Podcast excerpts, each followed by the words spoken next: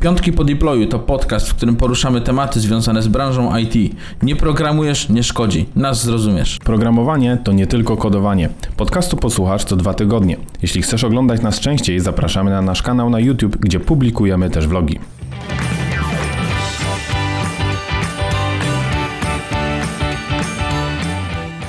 Witamy w 64. odcinku Piątków po deployu. W tym odcinku opowiemy o... W zasadzie nie opowiemy, omówimy, Omówimy. raport Stack Overflow 2022. Jest to coroczna ankieta, którą prowadzi Stack Overflow, gdzie bada różne przekonania, opinie, poziomy zadowolenia lub poziomy nienawiści nawet też co do różnych technologii, języków. Jest to fajny przekrój przez trochę przez taki, przez stack, przez stack, stack overflow. Tak jest. I myślę, że jakby tutaj jest kilka sekcji. Um, jakby my podlinkujemy ten raport w opisie. Zapraszamy wszystkich, jeżeli nas słuchacie i macie taką możliwość, żebyście go również mieli przed sobą i śledzili te wyniki razem z nami. Jeżeli nie, mam nadzieję, że tak je opiszemy i omówimy, że będzie to dla Was również zrozumiałe. Tam jest kilka sekcji, jest overview, jest developer profile, jest technology, work, community, Professional Developers i Methodology. My skupimy się, ten raport jest bardzo długi, my skupimy się na tym, co najważniejsze dla nas, czyli Technology. dokładnie tak. I mm, co warto by było tutaj podkreślić na sam początek, przy odpowiedziach, przy każdej odpowiedzi zobaczycie, ile osób odpowiedziało. Tak szybko patrząc, to jest to zawsze gdzieś tam około 70 tysięcy. Czyli dość jest. dużo w sumie, jakby nie patrzeć. Tak jest. W tym developer profile też można y, sobie to podejrzeć dokładniej. E, Natomiast, żebyśmy właśnie wiedzieli, jakiego. Jest to powiedzmy na tyle relatywnie duża wielkość, że da nam odpowiedni przekrój. I, I już nie robiąc takiego przydługiego wstępu, najpopularniejszą technologią jest JavaScript. Dodam, dodam. I tu już mi się wydaje, że ten raport jest przekłamany. Przekłamany. Przekłamany, to w ogóle nie powinno powstać, nie powinno ujrzeć światła dziennego. Dlaczego JavaScript, Miłosz. a nie TypeScript, Mateusz? Miłosz, ale Spodziewałeś się takiego obrotu sprawy, Miłosz. że ja oczekuję tutaj Tak, TypeScripta, a tam nie jest. JavaScript. On tam jest, ale Miłosz, ludzie, którzy nie przyjmują argumentu, znaczy nie przyjmują faktów i mówią, że są zakłamane, to najczęściej mają urojenia. Wiem, to jest choroba psychiczna. właśnie. No. Ale ty nie jesteś pierwszą osobą, która mi to mówi. Ale y, y, nie masz takiego wrażenia, że Stack Overflow jednak jest skupiony mocno na web developmencie? Oczywiście. Nie? Dlatego, dlatego ten język tu się tak pojawia. Bo dlatego myślę, że więcej byłoby Javy, na przykład Kotlina. No właśnie, to było przejdźmy, bo mamy JavaScript, na drugim miejscu mamy HTML i CSS. Okej, są dyskusje, na ile to jest programming language, na ile jest jakiś markup language, tak, ale tak jest dalej, to. ale jest. No, ale wybrnęli z tego, bo tytuł jest Jest. Programming, Scripting and No. Markup Language. Dobrze. No to właśnie, numer 3, ulubiony y, ten, ulubiony język programowania wszystkich Caps Lock Warriorów, tak jest. czyli SQL. No i mamy numer 4, Python. Python. Tak. I właśnie numer 5 potem TypeScript. TypeScript. Czyli Tak jakby taką TypeScripta połączyć z JavaScriptem, to jest gigantyczna dominacja. Pytanie właśnie, czy one się dodają, e, czy, Ujm- odejmują się. czy odejmują, czy Mhm. zawierają tych samych, y, te same osoby, no jednak procenty zdecydowanie się sumują powyżej 100, więc wiesz, każdy mógł zaznaczyć kilka. Mhm, mhm. No myślę, że tutaj e, zdziwienie żadne. E, Co ciekawe, Java jest dość, znaczy wysoko, niewysoko, Kotlin jest dużo, dużo niżej i jakby wy, powiedziałbym, co wydaje mi się, że wyjdzie później, że e, taki może mały spoiler, Kotlin będzie zdecydowanie bardziej preferowany niż Java, ale jednak w użyciu Java jest nadal bardziej popularna niż Kotlin. Mhm. I co mnie cieszy, to Dart y, dość mocno się tam wybija. Y, Jednak 6 ponad procent to Mhm. mniej więcej tyle, co Konfederacja chyba miała najwięcej, więc to, to dość dużo. Y, No ale Dart rośnie w siłę i wyżej jest niż Ruby na przykład. No właśnie, bo kiedyś to był przecież najbardziej popularny język. Ja w ogóle myślałem, że Ruby to szaruje tam brzuchem po ziemi w ogóle, nie? A to się okazuje, że tam on ma swoich zwolenników. Podobno gdzieś tam Tak? w Bieszczadach są. Są. No to właśnie zaraz zobaczymy, bo ja też chciałem wspomnieć o Elixirze. Tutaj mamy tylko 2%. Natomiast w technologiach, które będą e, bardzo rozchwytywane, albo jakby w technologiach, w których programiści by chcieli programować, Elixir znowu będzie właśnie bardzo wysoko. Nie wiem, czy ktoś nie zagłosował dla Beki na to. No, na Beki. No, no tak samo jak z Kobolem na przykład. No mi już na, zagłos, dla Beki to pewnie na Perla zagłosował, który jest nadal wyżej niż Elixir. No. Albo Clojure. Albo Clojure, no. tak. Bazy danych. Tak. Zdziwienia też nie ma, myślę. MySQL numer 1, 46%. Ja zastanawiam się, czy to nie wynika z tego, że ten MySQL często jest łączony z frontendowcami, którzy robią backend, bo korzystają częściej z MySQLa i z Mówisz? gigantyczną liczbą osób, które robią PHP. No właśnie. I powiem Ci, że przeglądałem ostatnio popularne ORM-y e, napisane w JavaScriptie i wiele z nich na numer jeden jednak stawiało już Postgresa też, e, więc może to być pewna zaszłość, bo Postgresa mamy na, jako numer dwa, 43%, ale co mnie zdziwiło? SQLite na trzecim. Bo SQLite, ja powiem Ci tak, przez wiele, wiele lat był traktowany jako taka baza deweloperska, żeby po prostu mm, postawić to sobie na szybko środowisko i coś robić. Trafiałem na różne artykuły i ciekawe przemyślenia, w których ludzie pokazywali wyniki, jak e, SQLite może się e, sprawdzić na produkcji i że jest to możliwe wykorzystanie tego na produkcji, ale myślałem nadal, że to jest nisza. No, ja też tak szczerze powiem, myślałem. Mhm. Zastanawiam się, do czego ktoś mógłby użyć tego SQLite'a w ogóle. Tak w sensie, że mhm. no, może to chodzi o część deweloperską po prostu, że ktoś mhm. faktycznie tak ma i dużo łatwiej mu z tego korzystać. Okay. Mam takie wrażenie, że może to być popularne wśród osób tworzących backend frontendowcy tworzący hmm. backend, że dla nich będzie to dużo wygodniejsze, nie muszą się zagłębiać w nie wiadomo jakie tam rzeczy. Pewnie duża część tutoriali jest y, robiona w taki sposób, że pokazują SQLite'a, bo dużo łatwiej to skonfigurować, po prostu masz go i, i działa sobie, bo plik tworzysz, hmm. nic więcej specjalnie nie potrzebujesz. E, no, ja, ja, w ogóle te bazy danych to bym rozdzielił na coś, co te, te, które są relacyjne i nierelacyjne. Więc jak popatrzymy sobie na relacyjne, to mamy mhm. MySQL'a, Postgresa i one wiodą prym, no ale mamy tutaj Mongo. Mongo to jest to, to król po prostu. 28%. No, to, to dużo, nie? Bo popatrzymy sobie później, mamy Redisa i tak dalej, mamy Elasticsearch, jakieś silniki właśnie wyszukiwania, to, to już trochę bym powiedział coś innego, ale jeżeli chodzi o taką NoSQL-ową bazę danych, no to mhm. Mongo bije, bije na głowę po prostu. Nie? Mhm. Mhm. Dobrze, jadąc dalej. Cloud. A to jeszcze tylko wrócę. A, no. Tak kiedyś przeglądałem Neo4j. A, Neo4j tak jest, jest, dość nisko, ale to pewnie wynika też z zastosowań po prostu, baza grafowa.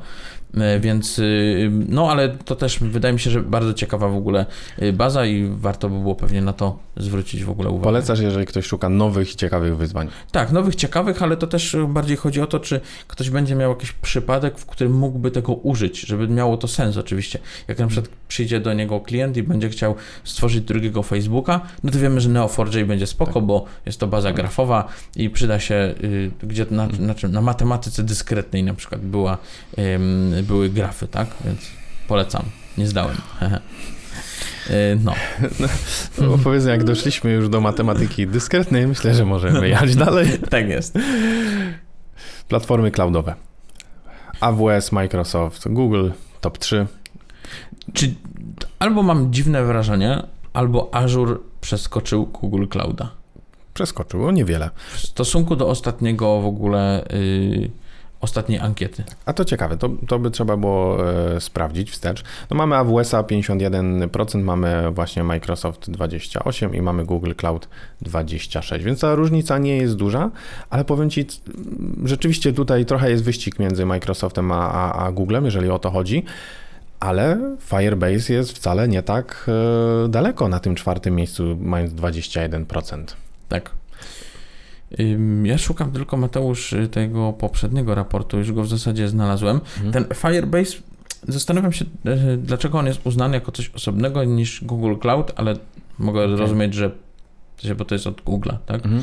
Więc, e, ale myślę, że tam jest dużo szerszy zakres i zostało to przez to jakby wydzielone po prostu, nie? Co okay. można by było tam zrobić.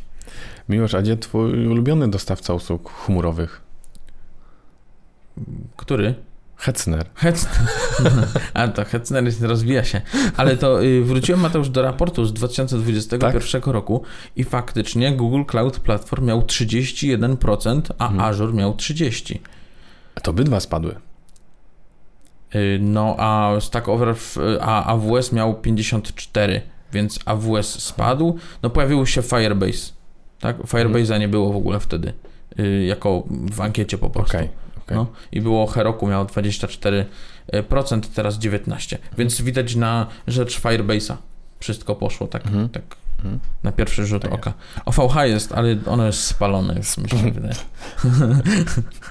A nie powstało jak Feniks z popiołów? Żyje dalej? No tak, z, z prochu powstałeś, w proch się obrócisz, tak. Web frameworki i technologia. To jest ciekawe już, to jest ciekawe. Nie, nie, Mateusz. Ja pasuję po prostu. Pasujesz. Nie mogę mówić o tym, że Node.js ma 47%, No. że React.js ma 42%, że jQuery ma No 28%. I tu chwała wszystkim odpowiadającym. jQuery wyżej niż Express, wyżej niż Angular, wyżej niż Vue, wyżej niż cała ta wymyślona bańka dotnetowa, czyli .NET Core i ASP.NET. Wyżej niż Django. Wyżej niż Django, to prawda. No. E, Wiesz, co jest dla mnie tutaj ciekawe, to warto zaznaczyć, że mamy Node.jsa i mamy Expressa. No, jakby wiesz, nie idzie pisać w Expressie bez Node.jsa, nie? No to takie trochę pomieszanie. Ja rozumiem, że Node.js jest runtime'em javascriptowym i jest technologią, nie wiem, czy nazwałbym to frameworkiem, ale jest to dość, no, dość specyficzna, specyficzna lista. E, Co mnie tu osobiście zaskoczyło, Mm, powiem ci, że spodziewałbym się dwóch rzeczy, które są wyżej. Spodziewałbym się, że Django byłoby wyżej i spodziewałbym się Next.js, że byłby wyżej. Nie, że to są technologie, z których my korzystamy i jestem po prostu nie jestem tutaj obiektywny, ale realistycznie uważam, że po prostu Django jest tak fajnym frameworkiem, takim entry-level frameworkiem, Tak. jeżeli chodzi o Pythona, ma tak fajną dokumentację, że jednak by- byłby zdecydowanie bardziej popularny.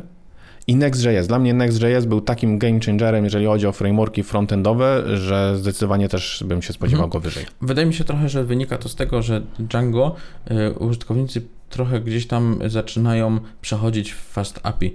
Fast API w zeszłym roku miało 3%, około tam, a w tym roku ma 6%. Więc jest postęp o 3%. Patrząc na to, że jest to tak mały framework i tak dalej, Mhm. więc y, myślę, że to na rzecz tego. Co ciekawe, co mnie Mateusz smuci niesamowicie, będę się teraz odnosił faktycznie do tego poprzedniego raportu, który był Tak. w zeszłym roku, jQuery spada. Spada No. popularność jQuery. I Miłosz. dlaczego? Nie wiem, jak tam z nowymi wersjami tego jQuery, ale, ale faktycznie spada. W zeszłym roku miało 34%, a teraz tylko 28%. Nie, ale Co- sumie, co- czy to nie jest dobrze? Bo to oznacza... Nie, nie jest dobrze, Ale Mateusz. już, bo to oznacza, że różnice między API przeglądarek są coraz mniejsze, bo takie było główne zadanie jQuery kiedyś. Wyrównać jakby API i możliwości przeglądarek. Zrównać patologię przeglądarek z ziemią. Jak komunizm, wszyscy porówno. Tak, wszyscy porówno. Każdy ma te same API. Tak. No. Więc y, tak. Co ciekawe, w poprzednim roku nie było w ogóle Node.jsa tutaj. Wyzn- No właśnie, dla mnie mówię, osobiście Node.js jest, jest dziwny. Ja wiem, że go trudno umieścić w języku, tak, trudno go umieścić, nie wiem, we frameworkach i gdzieś go trzeba dorzucić. No i Ale trafił akurat. W ogóle jak, jakie śmieszny ten raport, bo zobacz, że na początku jest Node, a Deno, które jest pisane odwrotnie Node, jest na dole. No, ciekawe. Ma to sens. Tak. Dziwi mnie to, dziwi. W sensie zastanawiam, nie? Mhm. Że Gatsby jest tak nisko. Myślę, że był taki pewien hype na A, Gatsby tak. i o ich taki core feature w ogóle, tym, tym Mhm. generowaniem tego wszystkiego, który tak naprawdę został, że tak powiem, wciągnięty, ta sama filozofia w Nexta, to, Mhm. to jest po prostu no, Tak. killer taki dla, dla tych y, małych y, rozwiązań. Wiesz co, to też, też dlatego, że podobne rozwiązanie wyszły już z Vue, wyszło potem to z e, ale również Next.js e, już ma tych swoich funkcji, które pozwalają na właśnie statyczne generowanie, czy generowanie po stronie serwera, e, czy tą inkrementację gdzieś, jakby trochę pokrywa również to, co daje nam Gatsby i Mhm. daje nam jeszcze więcej, nie? No dobrze. Kolejna, kolejna sekcja to inne frameworki i biblioteki. I tu mamy .NETA. .NETA, a później mamy NumPy'a. Tu w ogóle patrząc na poprzedni rok, to się nic prawie nie zmieniło. No dobra, dochodzi w ogóle Flutter 12%, a miał 13%. Spada. Mateusz, jak byś to w ogóle wytłumaczył? Masz jakiś pomysł? Mhm. Mhm. Gdzie a, React jest... Native ma 12%, a w poprzednim roku miał 14%. A wiesz co, ja jeszcze patrzyłem ten opis, dlaczego te frameworki akurat są w osobnej kategorii mhm. i rozumiem, że oni uznają, że to jest taka trochę, y, że tamta była do web developmentu, a ta jest jakby wszystkie inne. Mhm, mhm. Okej, okej, okej, okej. No ciekawe z tym React Native'em i, i, też z Flutterem.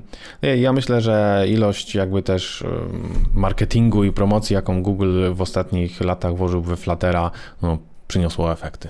Mhm. Tak. Wydaje mi się w ogóle, że to będzie trochę kosztem tego, że w ramach tej listy są rzeczy związane z machine learningiem, czyli NumPy i Pandas na przykład, mhm. e, więc cało data po prostu, nie? E, które, które się pojawia, więc myślę, że, że to, jest, to jest trochę przyczyną tego. Cały czas mnie śmieszy Xamarin w ogóle. Xamarin. Chciałbym kiedyś poznać e, dewelopera Xamarina. A mnie, a ja W ogóle, czy jest jakiś deweloper Xamarina, który mógłby się odezwać w komentarzach? Chętnie bym go zaprosił tutaj do, do podcastu. Ale rozumiem, że nie ktoś, kto pracował wcześniej, tylko pracuje aktualnie. Aktualnie pracuje i, i ubóstwia to tak. rozwiązanie. Chcielibyśmy poznać dlaczego. dlaczego. Także zapraszamy bardzo. Miłosz, myślę, że warto byłoby może przejść do...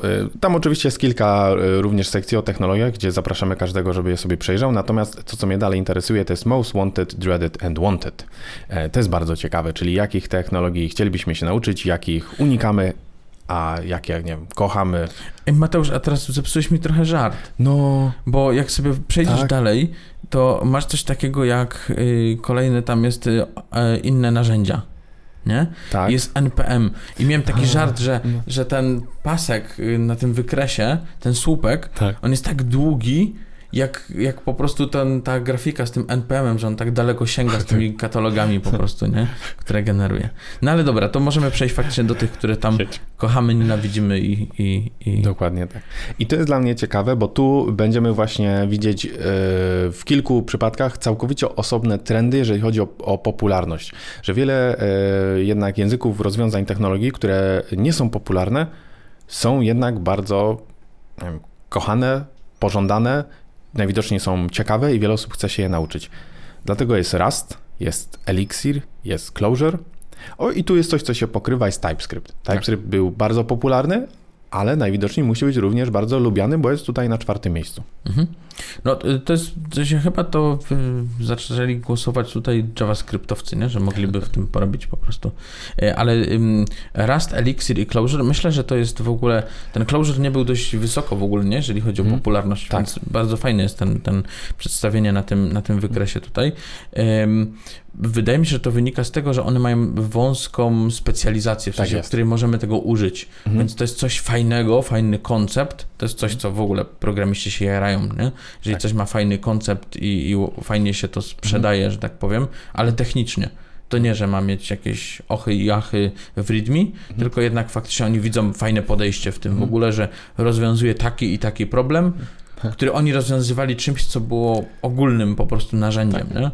Czyli to trochę już tak jak z technologiami Web3 albo blockchainowymi. Wszyscy się jarają, bo jest to wyrafinowane rozwiązanie technologiczne, ale czy stoi za tym wartość jakaś? Nie każdy sobie odpowie sam. Sprawdzimy. Sprawdzimy. Sprawdzimy. Tak. Zbieramy się cały czas do odcinka o Web3. No. Właśnie nie wiem, czy nam przyniesie więcej popularności, czy tak, no będziemy to wrzucać na grupy e, z Web3. Wiesz co, to wspomnijmy jeszcze, że na miejscu numer 6 mamy Pythona, który relatywnie również e, wysoko ma, 67% e, jest kochany, 32% jest niekochany. Niekochany pewnie przez tego gila, który tam jest. A w ogóle jest taki pomysł, żeby tak. usunąć tak. gila, no. Się to e, garbage collector, całe zarządzanie pamięcią w ogóle i tak dalej, nie? I co, każdy sam będzie musiał zarządzać Tak, pamięcią, dokładnie, tak? żeby do C, żeby to wszystko no, sprowadzić. No, dobrze. Bazy danych. Bazy danych. O, widzisz, i tu jest, widzisz, Postgres, numer jest jeden. Postgres. Jest tak, jak myślałem, jest, jest Mongo, jest Redis, w zasadzie odwrotnie, jest Redis, jest Mongo, SQLite, Cloud Firestore, czyli tu mamy tego naszego Firebase'a, bo to rozumiem pod tym to jest jako rozumiane. Tak. Yy, no, Elasticsearch, w ogóle tu z tego miejsca musiałem powiedzieć, że tam Elasticsearch w ogóle tam są lepsze rozwiązania. Są lepsze. TypeSense na przykład. TypeSense. No. u. Mateusz, jakie to jest, wiesz, zarąbiste rozwiązanie? Chyba na vloga to zrobimy. Ja Tak? zaprezentuję ci ten, ten TypeSense, to rozwiązanie. To jest niesamowite. Już nikt nie będzie korzystał z Elasticsearcha. Dobra, dobra, trzymam za słowo, jestem Dobra. ciekaw. Dobra. Cloud La- Platforms bardzo podobnie jak e, w sumie w wynikach popularności mamy AWS 66%, potem Azura 59%, Google Clouda 58%, też różnice niewielkie. Mm, AWS mam takie wrażenie, że przez ostatni czas wyhamowuje. I on tak jest, to jest taki, mm, nie wiem jak to się nazywa, no ja to nazwę paradoksem, nie paradoksem, problemem bycia Mhm. pierwszym. Że Mhm. po prostu jesteś pierwszy i masz problem, bo nie masz za kim gonić trochę. I to sam musisz nadawać jakieś tam tempo. Taki, Mhm. jako że mówiłem, że lubię sport, to takim pacemakerem jest po prostu, nie? I, i teraz on w pewnym momencie, nie, to Mateusz w biegu, nie? A, coś wiedziałem, że tak nawiążesz, Jak ktoś no. biegnie sobie, nie? Tam chce osiągnąć dobry wynik, to na zawodach daje się też pacemakera, który nadaje tempo. Mhm. Wiadomo, że on nie dobiegnie do końca, bo Mhm. nie o to tu chodzi, ale będzie po prostu nadawał jakieś tempo, które ma być, nie? Mhm.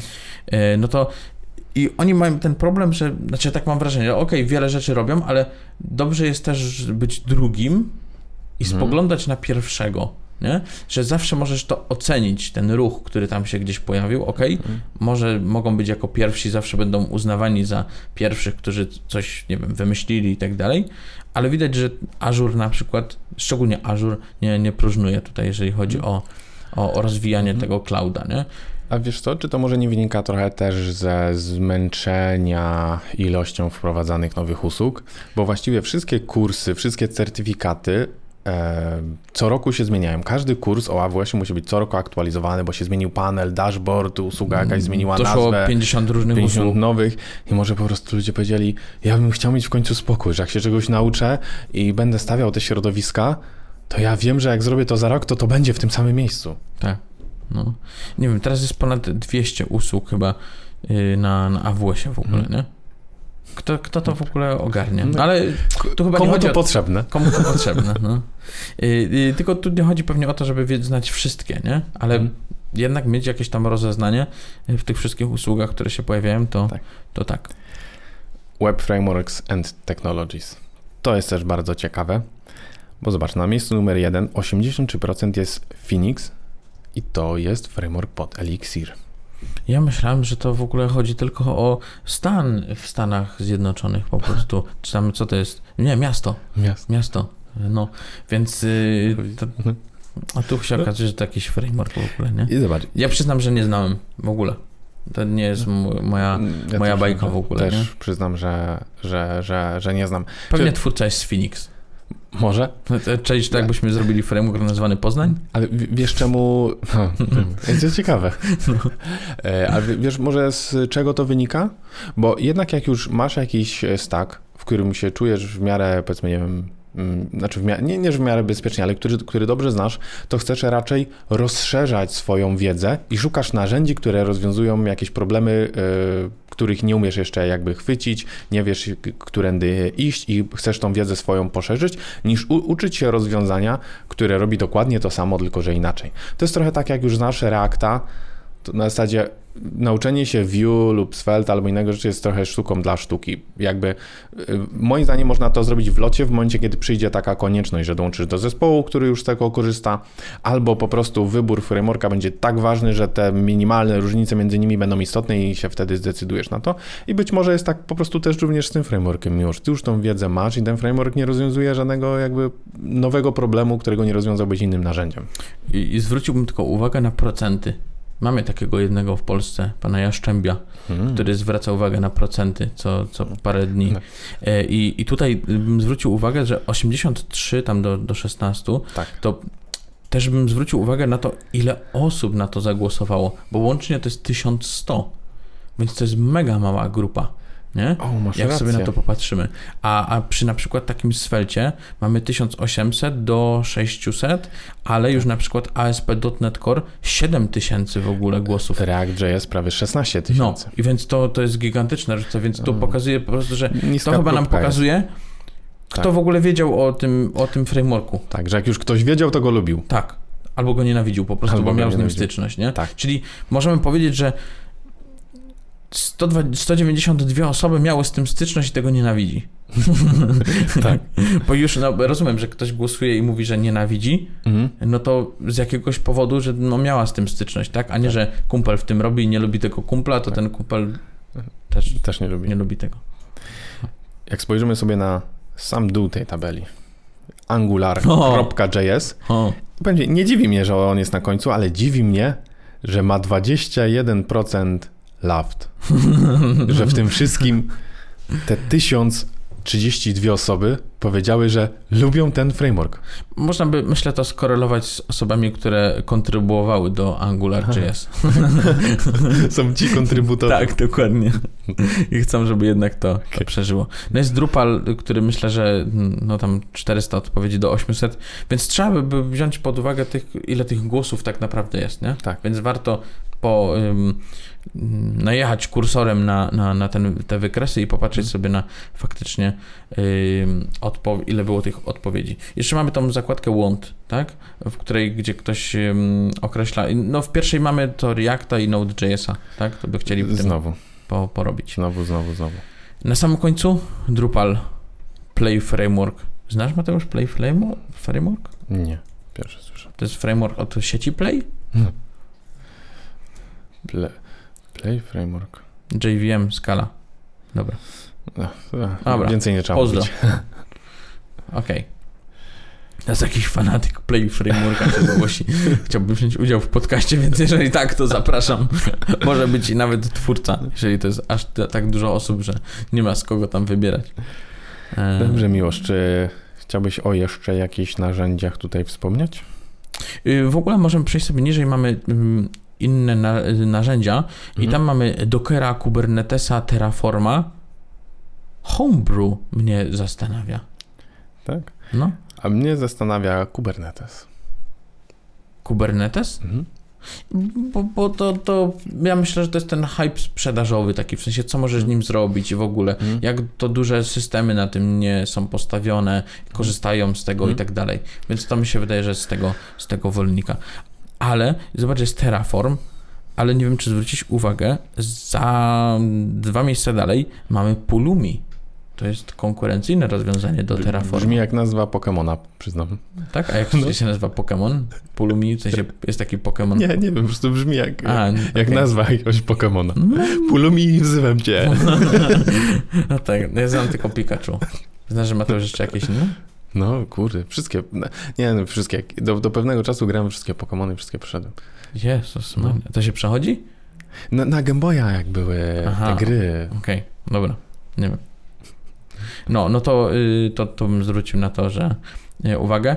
Y, co jeszcze jest? No ten NPM, Yarn. W ogóle ma to z czego byś korzystał teraz? Z NPM-a czy z Yarna, czy co to jest? Ja korzystam z NPM-a. NPM-a? Już, tak, y, był moment, że NPM był Bo kiepski. to jest konkurencyjne rozwiązanie, rozumiem. Tak, tak, był moment, że NPM był kiepski, w tym samym czasie NPM się poprawił, Yarn wypuścił... Kiepski to Mateusz mało powiedziane. No. W międzyczasie właśnie NPM się poprawił, a Yarn wypuścił wersję 2.0, która nie, nie spodobała mi się i jakby ja jestem zwolennikiem rzeczy prostych. Jeżeli NPM spełnia to, to co potrzebuje, to po co to komplikować? Tak.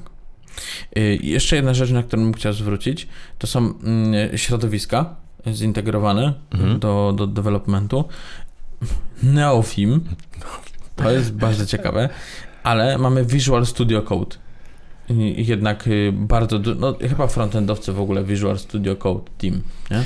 Wiesz co, wiesz dlaczego y, moim zdaniem jest tak bardzo y, wysoko w kontekście do najróżniejszych innych narzędzi, które, czy w ogóle edytorów, które się pojawiały i znikały, były tak, był Brackets, był Atom, był ten, z którego ty korzystałeś jeszcze też tak, tak przed... y, Sublime. Sublime, tak, były inne. Po prostu Visual Studio Code jest aktualizowany na bieżąco i wiele rzeczy jest e, serio fajnych dodawanych. Jakby fakt, że już też w Visual Studio Code możesz e, łączyć je po prostu z jakimś kontenerem e, i też po prostu mieć dostęp do mm, jakby narzędzi, które masz zainstalowane Mhm. wewnątrz kontenera, czy to jakichś linterów, czy w ogóle patrz, jakie Okej. paczki są zainstalowane i ci to Czyli mierzy. po prostu idzie z duchem czasu i dlatego Tak. to, to... Tak, tak, tak. Myślę, że po prostu zupełnie szczerze dorównuje e, wielu rozwiązaniom e, płatnym również też. y, Ciekawostka, 42 tysiące głosów na Visual Studio Code, a na Neovim 4 prawie. 4000, żeby nie było, że 4000, cztery- no. tak, tak, 4000. Ja nie zdziwiłbym, jak mnie Neofim cztery osoby na, całej ankiety No. korzystają tylko. A y, nie wiem, czy zauważyłeś, ale przy Neovim 813 osób nie potrafiło z niego wyjść. Dlatego Aha, go tak. nienawidzi. Ha, bo potrafiło wyjść z Vima, a w Neovimie to zmienili i już jest problem. Zresztą nie wiem, czy y, czym się konkretnie różni Neovim od Vima, ale Neovim rozumiem jest takim podzbiorem Vima. No, jak Neo to swoją nowszą wersją. Ja wiem, że to może to jest z Matrixa, że masz zielone ekran, Aha, z Matrixa. zie- tak. zielone napisy, czarne tło. Bo tak, nie? A, takie, okej. No dobrze, Miłosz, słuchaj, nie damy rady na pewno omówić e, całego raportu na jednym odcinku e, podcastowym. Omówiliśmy te, które są najciekawsze z naszej perspektywy i które dotyczą narzędzi, których my korzystaliśmy. Zachęcamy wszystkich, tak jak mówimy, żeby ten raport sobie przejrzeć na spokojnie. Dajcie nam znać, co Was najbardziej zaskoczyło, z czym się zgadzacie, z czym się nie zgadzacie, czy podobnie jak Miłosz uważacie, że JavaScript nie powinien być najbardziej popularnym językiem programowania. No, zgadzam się, nie powinien być. E, także poproszę w komentarzach o e, kontrargumenty. Em, no i co? e, Coś ciekawego, jeżeli znajdziecie, dajcie znać. A jeżeli mamy tych deweloperów tych niszowych technologii, to zapraszamy do Zapraszamy. podcastu. E, może nie Clojure, bo znam jednego, ale, ale jakieś inne rozwiązania, to zapraszamy. Będziemy wdzięczni, jeśli zasubskrybujecie nasz podcast i pamiętajcie, że podcast pojawia się co dwa tygodnie w piątek. Jeśli traficie również na nasz kanał na YouTubie, to zobaczycie także vlogi, które również pojawiają się co dwa tygodnie w piątek, więc jest co oglądać. Dzięki i cześć. Hej!